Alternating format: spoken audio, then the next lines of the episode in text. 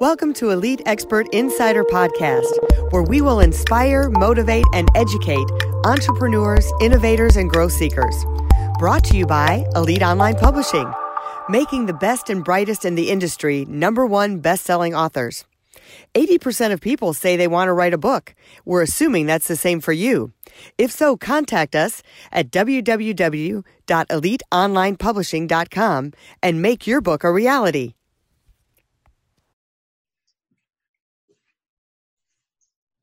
Hi, Melanie Johnson, along with Jen Foster. How you doing, Jen? Doing great. It's another great day. Welcome to another fantastic episode. Um, so, listen, make sure you subscribe to our podcast, Elite Expert Insider. You're always going to learn something. You're going to get motivated. You're going to get educated.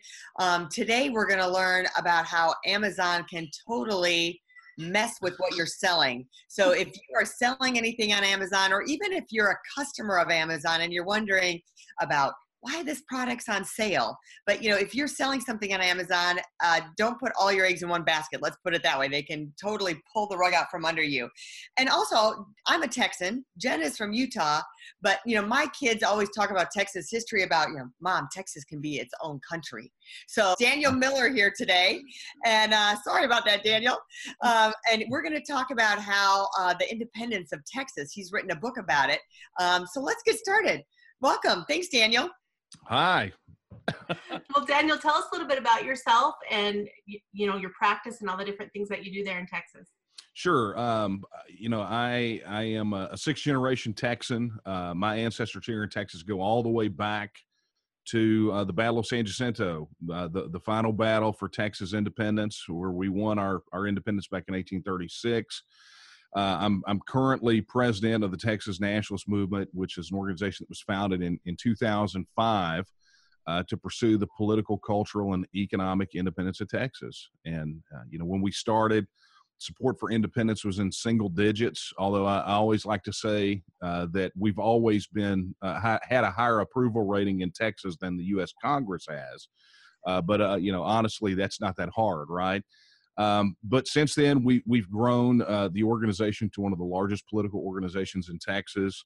Uh, one of the latest polls showed that over half of Texas Republicans, half of uh, independent voters, and uh, even over a third of Democrats support our, or at least having a vote on this. So, uh, you know, we, we've done a, a great job. Um, just out there with a, a total grassroots movement, volunteer supported uh, and it's it's always been a great ride. Well, you know, let's jump since we're kind of starting with your background a little bit. Let's jump into your book. Tell us a little bit about your book and your motivation for the book. Yeah, uh, you know, this is this is my second book. Uh, back in in 2011, I wrote a book called Line in the Sand, and it dealt primarily with sort of the philosophical underpinnings of what what has been referred to as Texas nationalism. Uh, you know, this idea that Texas should become an independent nation. And uh, when it when it uh, as we've progressed, you know, as the movement has grown and support has grown, you know, we we've shifted along from the the philosophical aspects of it, you know, from the why aspect of it to uh, how this could happen. So, uh, you know, when when we got down to uh, the the tail end of last year, Line in the Sand had been out of print for probably about a year and uh, we approached uh, Defiance Press, who is the publisher of the new book Texit, uh, visited with them about getting Line in the Sand back in print, and that's when the the spark came that hey, we need a we need a book that deals with the the practical aspects of Texas becoming an independent nation. So that's uh that was really where it came from. Uh, it's it's about 20 years worth of research. I've been involved in this fight since 1996. Uh, and it's about 20 years worth of, of research and history, but all placed right here in, in our current political uh, landscape. So, uh, you know, and, and, it deals, if, if I were to compare the two, I would say one is practical and one is definitely philosophical. I mean, do you think it's like really a possibility? I mean, what's the reality of that happening? Yeah, uh, you know, I tell people all the time. I, I don't know. I, I, don't think that it's a, a, a hope, wish, or a dream. I think it's an inevitability. Um, really? You know, that's that's where this is at, and, and, I look at it from the standpoint of, um, I look at it from the standpoint of really kind of a global perspective. One of the books that really kind of set me on this path, or that at least reinforced when it was introduced to me, was uh, oddly enough the book Global Paradox by John Naisbitt. You know, mm-hmm. Was Megatrends, Megatrends 2000. I mean, you know, the guy has got credibility out the wazoo.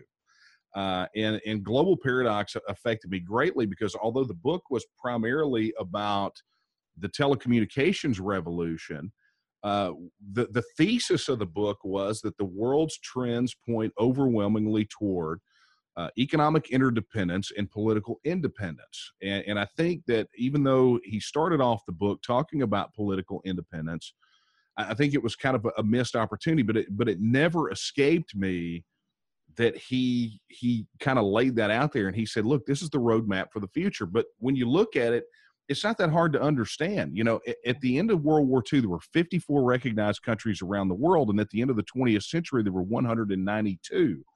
So, you know, when I look at Texas becoming an independent nation, we look at current political trends, we look at global geopolitical trends, and, and we understand that it's going, it's an inevitability. It's going to happen at some point in the very near future. Wow.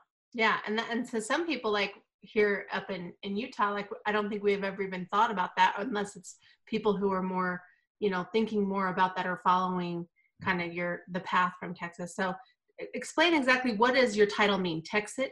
Is that yeah, uh, it it really it really comes as a mashup, obviously, of Texas and exit, but. Uh, the origin really kind of the the the mashup term goes back to the Greek eurozone crisis. You know, back pre Brexit, uh, people were talking about this crisis, this debt crisis in Greece, uh, and especially how there was a possibility that uh, Greece could effectively rem- either remove itself from the eurozone, aka not use the euro as currency, go back to the drachma, or the EU to try to contain this economic contagion could basically kick Greece out of uh, using the euro. And and so you, you had in this article uh, you had these two economists coin the term grexit. Well we saw grexit and we're like wait a minute. This we have an x in our name so it works a, it works a whole lot better so you know we began to sporadically use it but it, it didn't come into really the popular consciousness until uh, you know the, this issue of of the UK voting to leave the European Union, and you know obviously Brexit was a playoff of Grexit, mm-hmm. and and once Brexit kind of entered into the public consciousness, then obviously you know Texit became just kind of a a natural thing for supporters of Texas independence to to use. Mm-hmm. Yeah. So, what message would you say should other states get from reading your book? Yeah, and that's that's the thing. I mean, the people in other states may look at this and go, "Well, that's just about Texas," but really and truly, uh, it's written about a, a, much larger issue related to uh, much larger issues, plural, related to the federal union through a Texas perspective. So, while there are some things that are decidedly Texas centric in the book, you know, for example, you know, why is it that Texans culturally are so fiercely independent?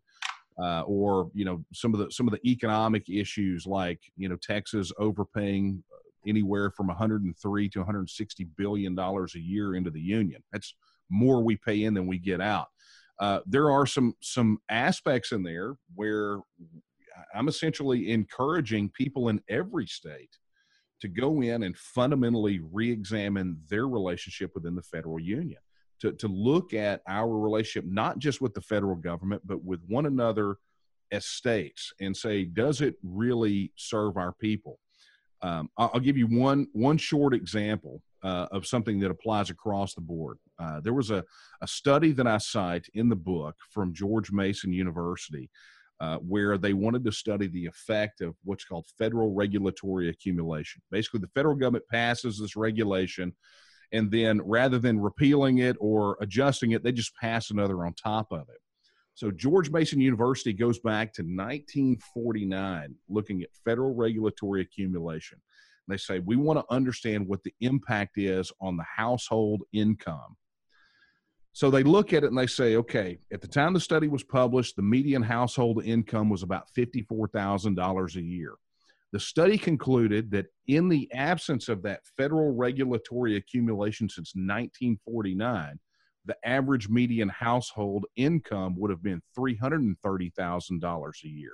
So, you know, we, we begin to look at it and we realize that if if we were operating whether it's texas or any of these other states if we were operating as self-governing independent nation states one of the things it's going to immediately mean for me and you and everyone out there is about a 600% pay increase you know how, how, much we get to take home. And, and you know it's studies like that, that that are done that get buried that people don't understand because again it's sort of taboo to to question the the fundamental structure of governance that we have then I got you know the question I have is about defense. How do you defend yourself as a small independent country? I mean, I'm kind of getting off on a tangent, but um, yeah, that would be my question. Well, you know, you look at it and you and and I know it's going to sound facetious, so please don't take this wrong, but pull out a globe, spin it, put your finger down someplace and go, how do those people defend themselves? how is it they protect themselves? Uh, because you know every every country around the world has some method of of protection, whether it be they have their own army or they engage in mutual defense pacts with other countries you mm-hmm. know that's that's the way that it's done so you know specifically here in texas um, you know if we were to use what is kind of a global average just say like the the let, us take the nato benchmark okay there was a, a, a rule passed for nato the north atlantic treaty organization uh, which is a military defense pact, a mutual defense pact. And, and basically, what they did was they set a 2% of GDP target for national defense. And they said, okay, if you're part of NATO, your country needs to be spending a minimum of 2% of GDP uh, for national defense. And and what we find here in Texas is, you know, you apply that two percent to a GDP that makes us the ninth or tenth largest economy in the world, and what that means is that is that we have one of the most well-funded militaries in the world just by applying the NATO minimum standards. So you know, it, it's not this idea where suddenly a state leaves the union and it's an island unto itself. Uh, mutual defense pacts exist around the world. Uh, countries are part of them, but that doesn't mean that they give up their individual uh, political, economic, and cultural identity well, we better before our show gets over, we better transition to the what happened to your book when it was on Amazon. Yeah, uh, uh, when you uh, first launched it to what happened. Walk us through that. Yeah, apparently uh, I covered some things that uh, I wasn't supposed to cover. I must have said some things that, that got some people upset. But but here's here's it in a nutshell. Um, after the book had been out for a while, I mean the sales were great. Uh, you know, we we were doing book tours and and doing things of that nature. Uh, we wake up one day and what we find is that Amazon has put what what eventually became known internally as the trifecta of doom. Uh, they restricted book sales to Prime members only. Uh, they limited eh, they limited book sales to four copies per customer, uh, which was kind of a problem for us because people are buying multiple copies of this thing and, and handing it out like they're pamphlets. Uh, and then what they did was they dropped the price below wholesale. And uh, you know, while I I'm not primarily an author, I don't understand what the implications of those things are. Uh, you know what what became of that investigation over the intervening six weeks is uh, they the distributor came back and essentially said they believe that all of this was being done specifically uh, because of the content of the book and and they said that with a, a large degree of experience the the distributor has a, a 40 year history in the book business. Uh, you know, they've got over a thousand titles placed with Amazon. Uh, not only had they never seen this with any of their titles, they haven't seen this happen with any other titles, and they could not get any kind of direct or straight answers out of Amazon. And, and I'll tell you, and I'll, I'll break it here to you guys because we haven't said anything about this publicly. Uh, but the the publisher, uh, the, the distributor has since been bought out by one of the larger distributors. Uh, they've got over a million items in Amazon inventory. This distributor is a top 20 uh, within Amazon vendors. So you know, us who that is, just so we know. It's IPG. Uh, and so I, IPG began to investigate this, and and again, they said not only could they not get a straight answer, but as far as they understand through all the investigation that they've done, this is the only book that this has been done to. So, uh, you know, it, has been it's been a roller coaster. Uh, oddly enough, on the begin, you know, it's been a, almost a constant fight with Amazon. On the first day of banned books week, uh, they removed they removed Texit from stock and w- refused to sell anymore you know so you talk about irony of ironies right so at each stage of the game when things like this have happened, what our recourse has only been to um, communicate with our supporters, let our supporters, let our members know what's going on, uh, and then they ramp the pressure up on Amazon, and typically they relent. Like when they pulled us down on you know on banned books week, we were back up within 48 hours. So you know, I, I don't know what the solution to this is. I, I'm I'm apt to believe in a, a free market solution to this, but uh, you know, with Amazon doing what they're doing and, and some of the things that we're seeing out of Facebook and, and Twitter and, and some of these other um, you know, some of these other tech giants, uh, I think it's all time we take a very serious look at, at how we're going to address this sort of thing. Mm-hmm. Well, I like that you're being persistent in going down the path of what finding out what really is happening and making sure you take a stand and, and getting your book out there whether um, you know it's just in independent bookstores or or other you know Costco's or wherever you can get the book out. So. Right. Well, and look, that's what we've been telling people. Uh, you know, look, Amazon, they may be the 800 pound gorilla in the room. You know, they may be the behemoth, but they're not the only ones. You know, Barnes and Noble's out there, independent booksellers are out there. We sell it direct on our website. You can buy it from the publisher. So, uh, you know, it, it, we're just encouraging people to explore their alternatives. If if they're disgusted and upset by what Amazon has done and, and their lack of accountability, then you know, thankfully there are options. And, and so that's what we're encouraging people to do is explore those options. So we've seen as publishers sometimes where they limit like our authors are like, oh my gosh, I need a bunch of books and I need them like in the next day or two days. And when they go to order them wholesale through their distributor or Amazon, it's two weeks to get them there. So um, they try and buy them, but they can only buy four. So we just tell them go back and buy four, then buy four more, then buy four more. Right.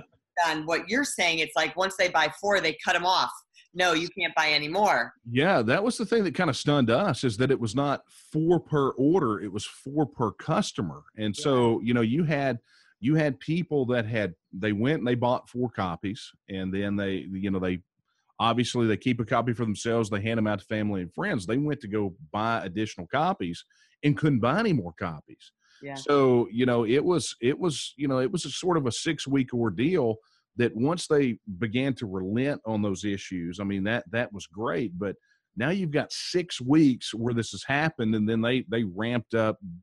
I mean, it, it was it was the oddest thing. I mean, we we ran into issues where they said they didn't have stock, but the publisher knew that they had stock in all their warehouses. Um, they they were telling you know that you would go to order the book, and it would be hey, this is great. If you choose two day shipping, you you too can have this book in two to four weeks. Even yeah. though we knew beyond a shadow of a doubt they had them uh, available in all warehouses. So, uh, you know, look, it's just it's the fight we fight. It, it, this was fighting for this to become to for this conversation to enter into the political mainstream, which it has. I mean, I talk about that in the book. Uh, it was an uphill climb. It was a fight every step of the way. So you know, this sort of, I would say it rolls off our back like water off a duck's back. Uh, but we've had to fight every step of the way just to be heard. So this is nothing new for us. I mean, you know, I, am I'm, I'm pretty sure that Amazon and, and Facebook and Twitter and those guys think that we're going to fold like Superman on Laundry Day, but they are so mistaken. yeah. Well, you know, I think the other bigger lesson to learn for for everybody, whether you're whether you're selling a, a product or a service and you have a platform that you're doing it on to like uh, for us even as a publisher hearing this so amazon is the main place that you want to sell your book. But um, in your instance you said all right well now we've got to ramp up all these other places where maybe you weren't doing that before. So um, i think jen and i are going to learn let's make sure we have all the other platforms totally ramped up. Everything else is to go. So those are just as strong as your platform on amazon. So whether you have another outlet where you're selling a service um, you know or have one big customer make sure your other things other outlets are just as strong.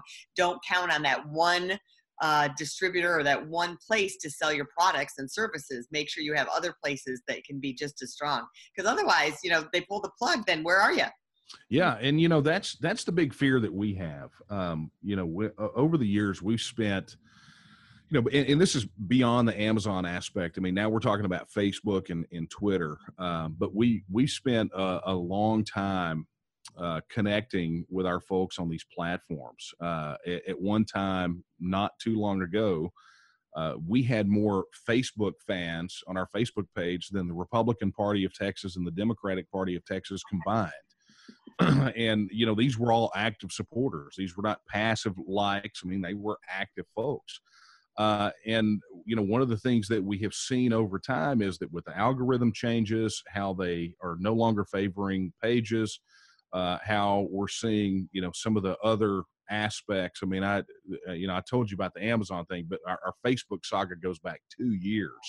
Uh, they actually suspended our ad account uh, at the beginning of the year when we were getting ready to as we started promoting the book, upcoming book tour and purchasing ads uh, they actually suspended our ad account because they went back to November, October, actually the last week of October 2016 found two ads that dealt with illegal immigration, uh, and and they they were asking nothing more of you know do you are you concerned about the border and illegal immigration, which we know people are because it's the number one concern for uh, registered voters here in Texas, yep. and a link to our page. And so you know they went back to 2016, found two ads, and used those as the as the pretext to cancel our ad account when we went to go promote the book tour. So you know we're we're learning uh, I mean, I, I, say we're learning. It's just been it's been a never-ending fight with these guys, and the, the challenge that we run into, maybe not so much with Amazon and, and, book sales because we've got all these other outlets, but when it comes to these communications platforms,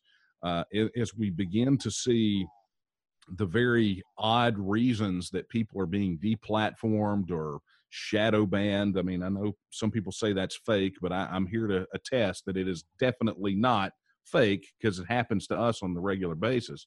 Uh, but you know what what do people like us whether you know it's us with a, a political viewpoint or even even entrepreneurs that may be that may be pursuing brand new paradigms in marketing i mean wh- whatever that is you know what do we do when they begin to close us off on these platforms from the people that we've connected with and it's a concern for everyone and it should be mm-hmm. Yeah, so no, don't put all your eggs in one basket, right? Make sure you have different ways to capture and to collect those groups and keep those groups active somewhere else, or maybe on your own platform or your own blog or your own website or something like that.